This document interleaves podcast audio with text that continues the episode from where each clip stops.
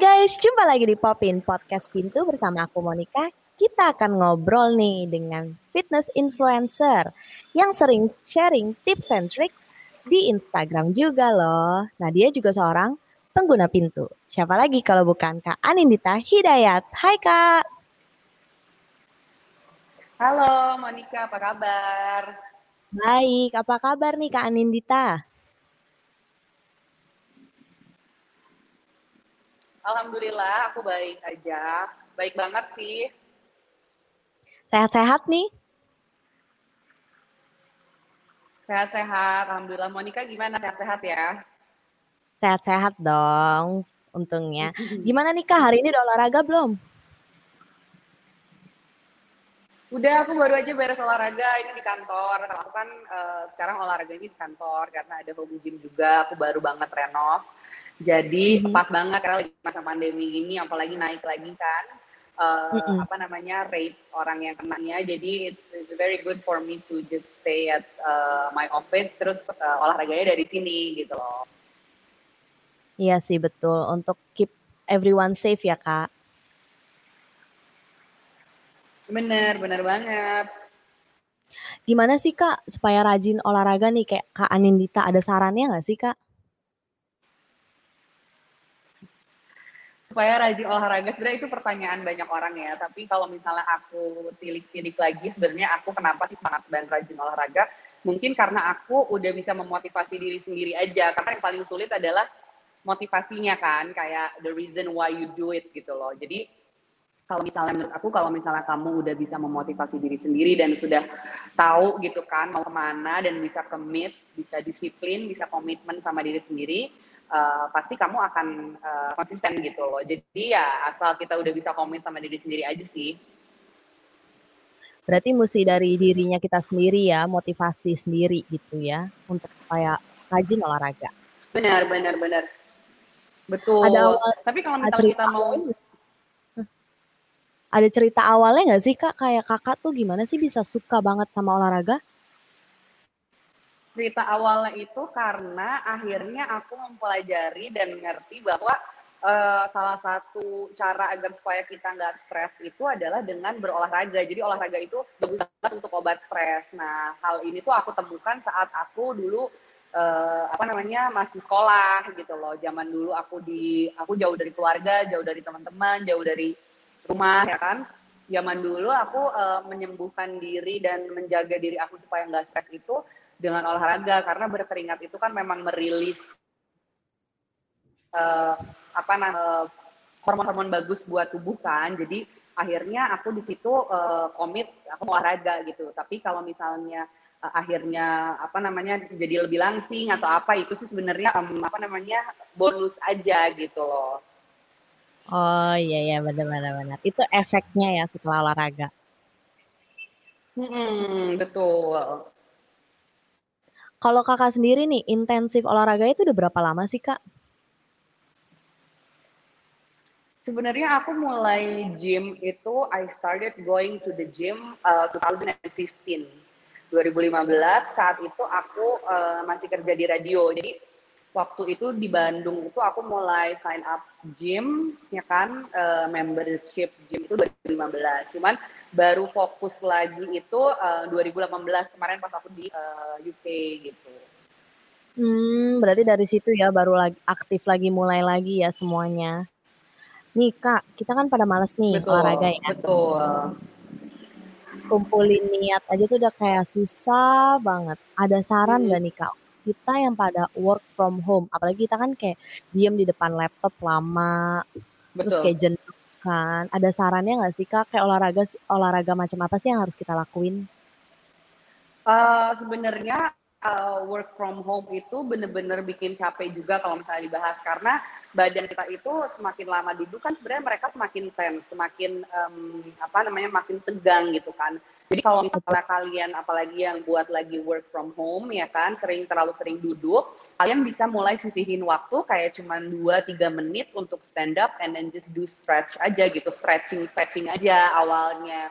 Terus kalau misalnya memang benar-benar jadwalnya padat, mungkin bisa dimulai dari hanya sekedar kardio, ya kan? Kardio, if you have um, cardio machine itu it's very good. Uh, apa namanya lari, ya kan? Lari di tempat itu untuk ya five and, uh, until 10 minutes, it's, it's, it's very good. Terus juga kalau misalnya memang punya lebih banyak waktu, ya kan? Karena sebenarnya olahraga itu nggak terlalu lama gitu loh.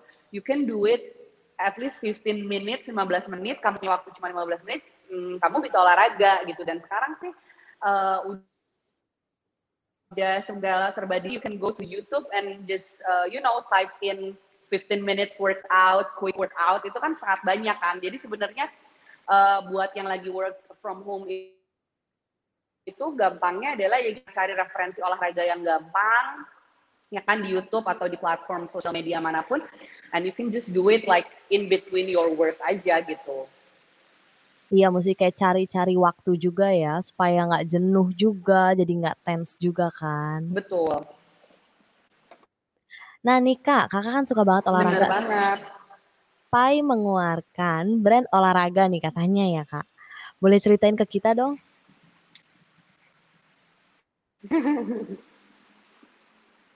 Ya, jadi kan sebenarnya mulainya itu adalah uh, I gain uh, uh, quite a lot of followers ever since I moved to Indonesia kan.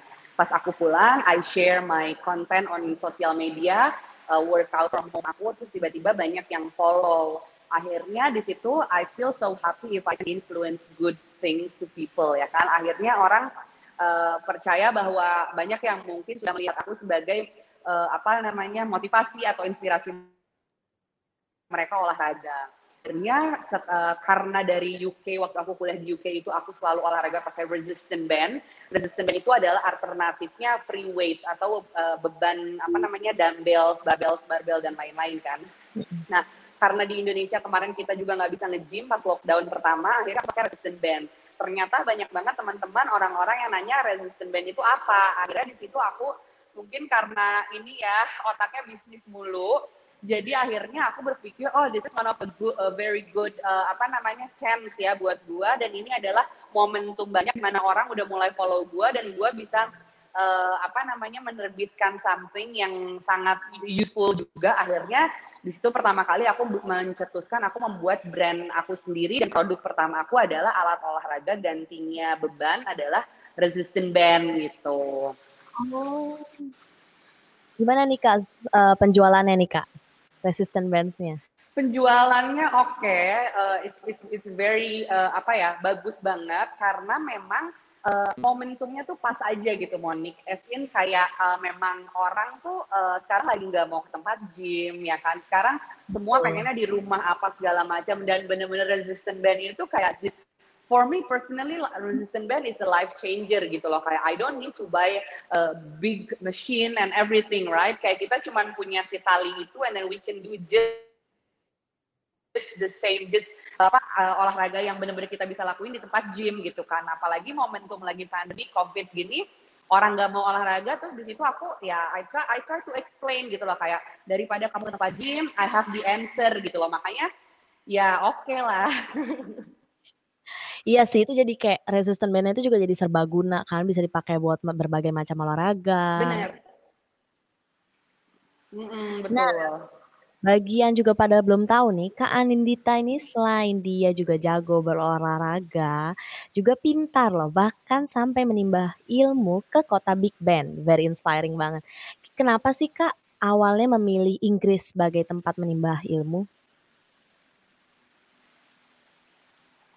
Uh, sebenarnya karena alasan pertama karena orang tua aku tuh mami aku, mama aku juga uh, kuliah di Inggris, pernah kuliah di Inggris. Jadi dia hmm. udah tahu sedikitnya, dia udah pernah tinggal lama kan di sana. Dia udah tahu banyak dan banyak hal tentang London gitu dan dia merasa uh, tipe orang kayak kamu ini cocok banget di London dan pasti lu bakal berkembang banget di London. Terus kedua adalah karena aku juga banyak ada banyak saudara di sana kayak uh, apa namanya my uncle lives there om om aku hmm. banyak yang kerja dan tinggal di sana gitu. Jadi my parents uh, they think uh, apa ya lebih lebih lebih akunya juga lebih aman ya kan? Terus kita nggak nggak nggak bener-bener ada yang bantuin di sana pas pindahan segala macam terus uh, ya terus apa ya pilihannya antara US sama UK gitu. I personally love uh, UK dan US ya maksudnya aku sih excited aja ya mau kuliah ke luar negeri. Cuman akhirnya mama aku ngerekomendasiin Europe uh, better mm -hmm. for me ya udah.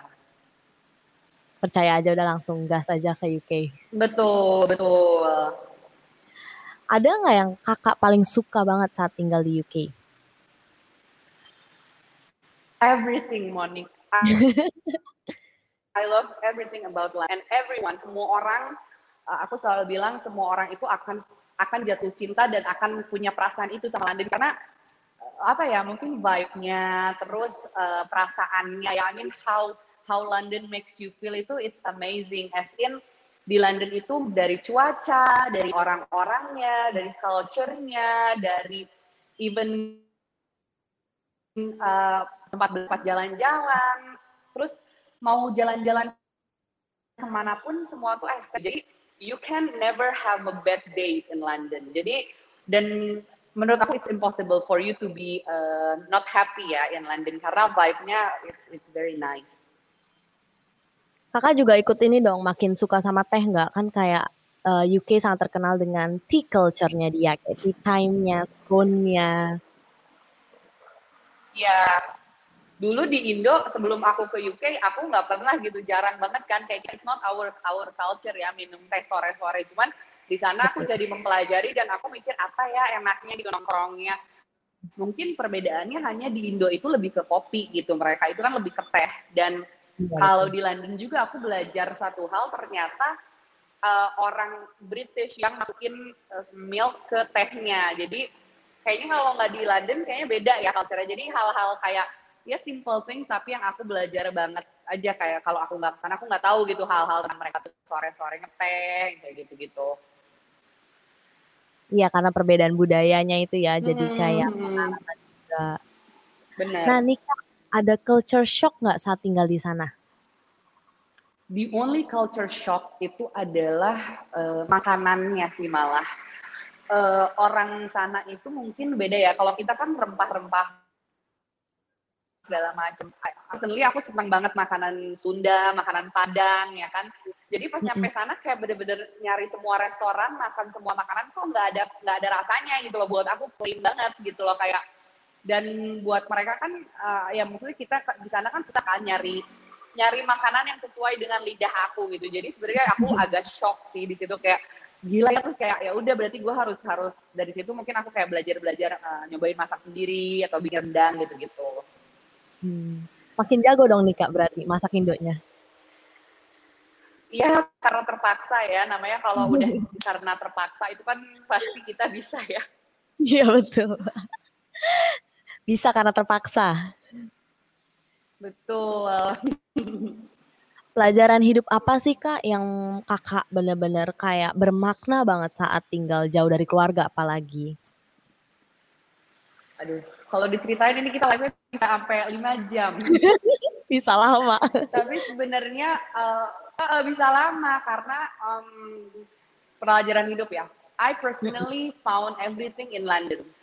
Aku hmm. menemukan semuanya tuh di London gitu loh. Semuanya dalam uh, hal eksternal ya kan dan juga tapi sebenarnya lebih penting adalah internal ya kan uh, kayak ya aku kan itu fase-fase di di mana aku ya masih beranjak dewasa ya kan dari dari 20-an gitu dari tahun 20 21 mm-hmm. itu kita lagi jam kita lagi masa-masanya nyari jati diri dan segala macam kita juga punya pertanyaan-pertanyaan tentang hidup ya kan anak-anak umur segitu kan. Dan ternyata memang being uh, going to London itu adalah one of my best uh, decision gitu loh. Karena di London itu uh, karena gini kalau menurut aku gini karena kita itu karena aku lebih tenang kenapa tenang? Mm -hmm. karena kita tuh jauh dari rumah kita nggak kenal siapa-siapa dan kita tuh bener-bener sendiri. Di situlah manusia menurut aku memang mungkin manusia akan menemukan uh, peace-nya menemukan tenangnya dan saat pikirannya sudah mulai tenang akhirnya dia akan bisa menjawab sedikit demi sedikit pertanyaan-pertanyaan yang dia punya gitu. Jadi mungkin kenapa di London akhirnya aku mengerti banyak hal itu karena di London aku benar-benar sendiri jauh dari rumah orang tua teman segala macam dan saat diri aku istilahnya ngelamun lah gitu ya bahasanya ngelamun. Saat hmm. tenang oh akhirnya aku bisa oh ternyata ini terjadi karena seperti ini ya. Oh ini tuh butterfly effect dari ini oh apa? Nah hmm. dari situ kita karena tenang kita mulai menerima apa pun itu yang misalnya saat itu aku marah misalnya akan hal itu gitu kan. Tapi di London gue kayak oh oke okay, oke okay. this is uh, this this one kayak ini tuh happen karena ini gitu segala macam. Jadi bener-bener aku nemuin ya jati diri ya disebutnya kan kalau misalnya kayak gitu tuh di sana gitu. Karena aku jauh dari orang gitu loh. Dan juga kayak nemuin ini sih mempelajarin diri sendiri juga ya kan pasti bener bener bener bener dan nah, apa ya kayak sendiri itu kan jadi apa-apa kita bisa sendiri gitu loh kayak jalan sendiri makan sendiri ke mana-mana bener-bener sendiri jadi kita oh, oke okay, gitu I can do this gitu loh lebih comfortable sama diri sendiri sih pastinya ya jadinya. Bener, bener, bener, bener, bener banget.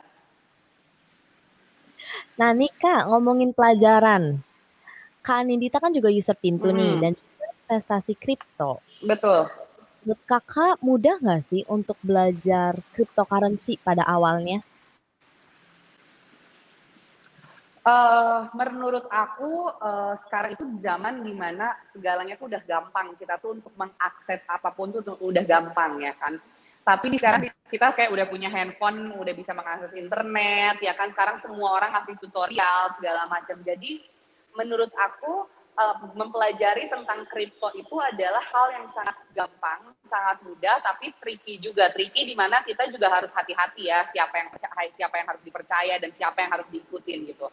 Cuman menurut aku gampang banget dan salah satu uh, alasan aku uh, milihnya itu adalah pintu karena pintu itu benar-benar it's very easy to use, user friendly dan buat aku yang benar-benar awam masalah kripto aja aku bisa belajar banyak dari si aplikasi pintu itu gitu loh.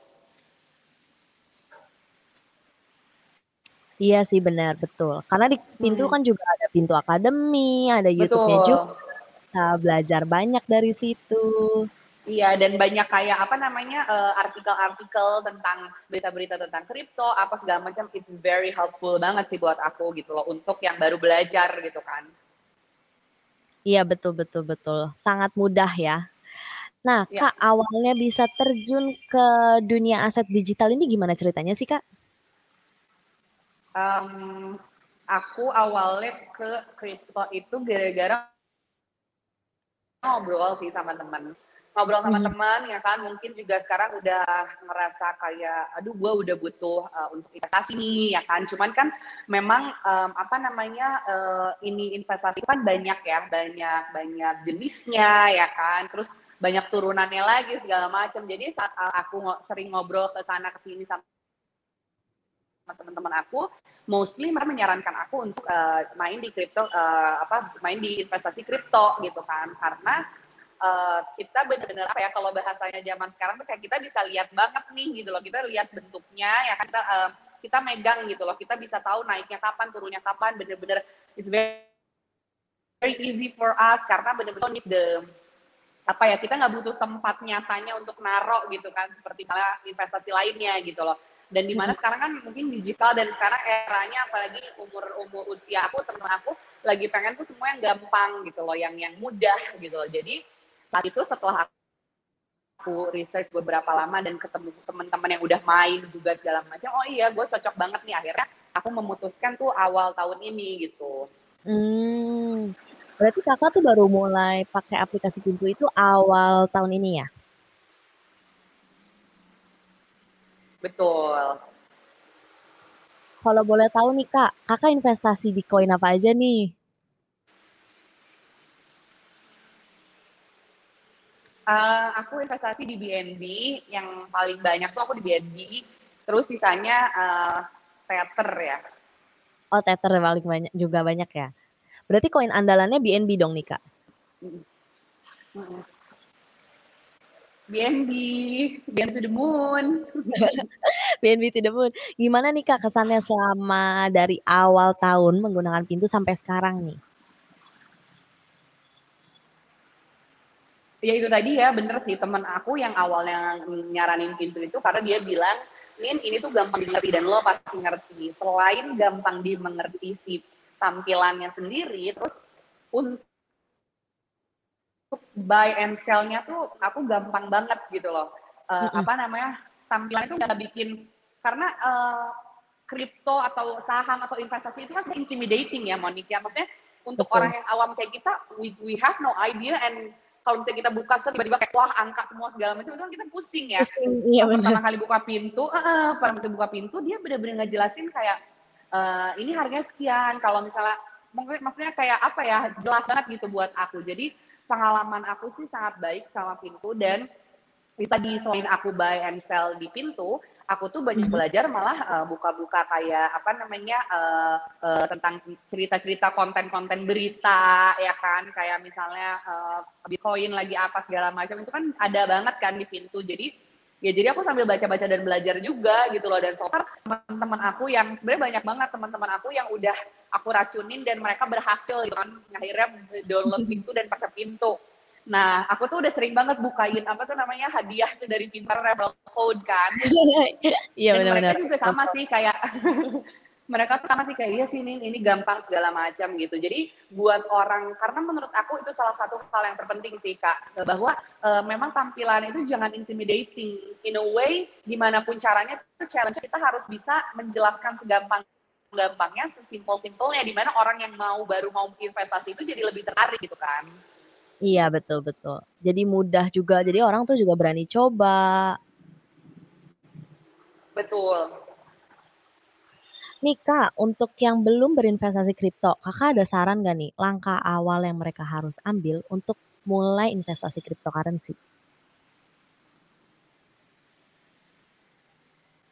um, do your research obviously terus talk to people uh, apa namanya join the the community ya kan sekarang banyak kan orang-orang yang suka sama pintu eh suka sama bitcoin sama uh, ya kan? Mereka uh, udah banyak lah sekarang di sosial media di mana ya kan? Jangan terlalu gampang termakan berita-berita yang memang belum belum tentu benar juga ya kan? Do your research ya kan? Terus juga baca-baca sendiri lah segala macam. Karena sekarang 2021 everything is is easy gitu loh. Kamu bisa dapetin info dari mana pun tapi we have to be very we have to be smarter than the device gitu. We have to be smarter than the the, the phone gitu loh karena kayak itu tadi sekarang kan banyak uh, berita-berita uh, yang mungkin hoax juga segala macam. Jadi menurut aku sih do your research, talk to someone uh, yang udah credible ya kan, nonton beritanya dan ya eventually uh, akhirnya menurut aku sih bener gitu kayak buy first and then you'll you'll you'll you'll know gitu loh kayak akhirnya gitu kan yang penting beli dulu ngerti dulu oh ya udah gitu Iya itu nanti kayak seiring berjalannya waktu bisa lihat-lihat yeah. di Pitu News, bisa lihat-lihat di akademinya. Betul. Nah Nika, sebelum kita menutup podcast kita di Popin Podcast Pintu, Hmm. Yang setiap hadir itu harus sharing quote of the day atau favorite quote mereka. Nah, kalau Kak Animita sendiri apa nih quote favoritnya? The quotes aku ya, aku suka uh, the higher the risk, the bigger the return. So ya, yeah, maksudnya kayak uh, menurut aku itu itu bagus sih. Itu bagus buat bukan cuma investasi ya, tapi kayak uh, apa pun itu gitu loh, kayak mau angkat beban juga ya makin sakit mungkin ototnya makin jadi gitu. Tapi ya sama-sama juga gitu apalagi di di, di investasi ya. Ya it's, it's your own risk gitu loh kayak invest on all your own risk tapi ya memang ilmunya juga kan memang seperti itu gitu the higher the, the risk the higher the return Wah bagus sih quote-nya. Intinya tuh kayak usaha juga nggak akan mengkhianati lah hasilnya nanti kayak gimana. Betul, betul banget. Usaha tidak akan pernah mengkhianati hasilnya. Hasil tidak akan pernah mengkhianati usahanya. Iya kebalik. Hasil tidak akan mengkhianati usahanya.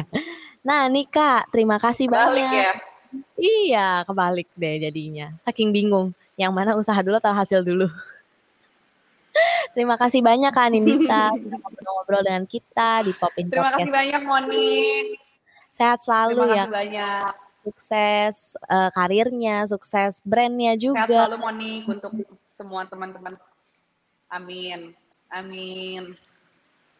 Terima kasih Moni. Sampai ketemu lagi ya. Iya, sampai ketemu lagi. Nah, untuk kalian, kita akan memiliki tamu-tamu yang lain yang nggak akan kalah serunya Podcast kita bisa didengarin di Popin, Podcast Pintu di Spotify dan juga channel YouTube Pintu. Jangan lupa untuk like, subscribe, komen. Sampai jumpa berikutnya. Thank you for watching and listening. Bye.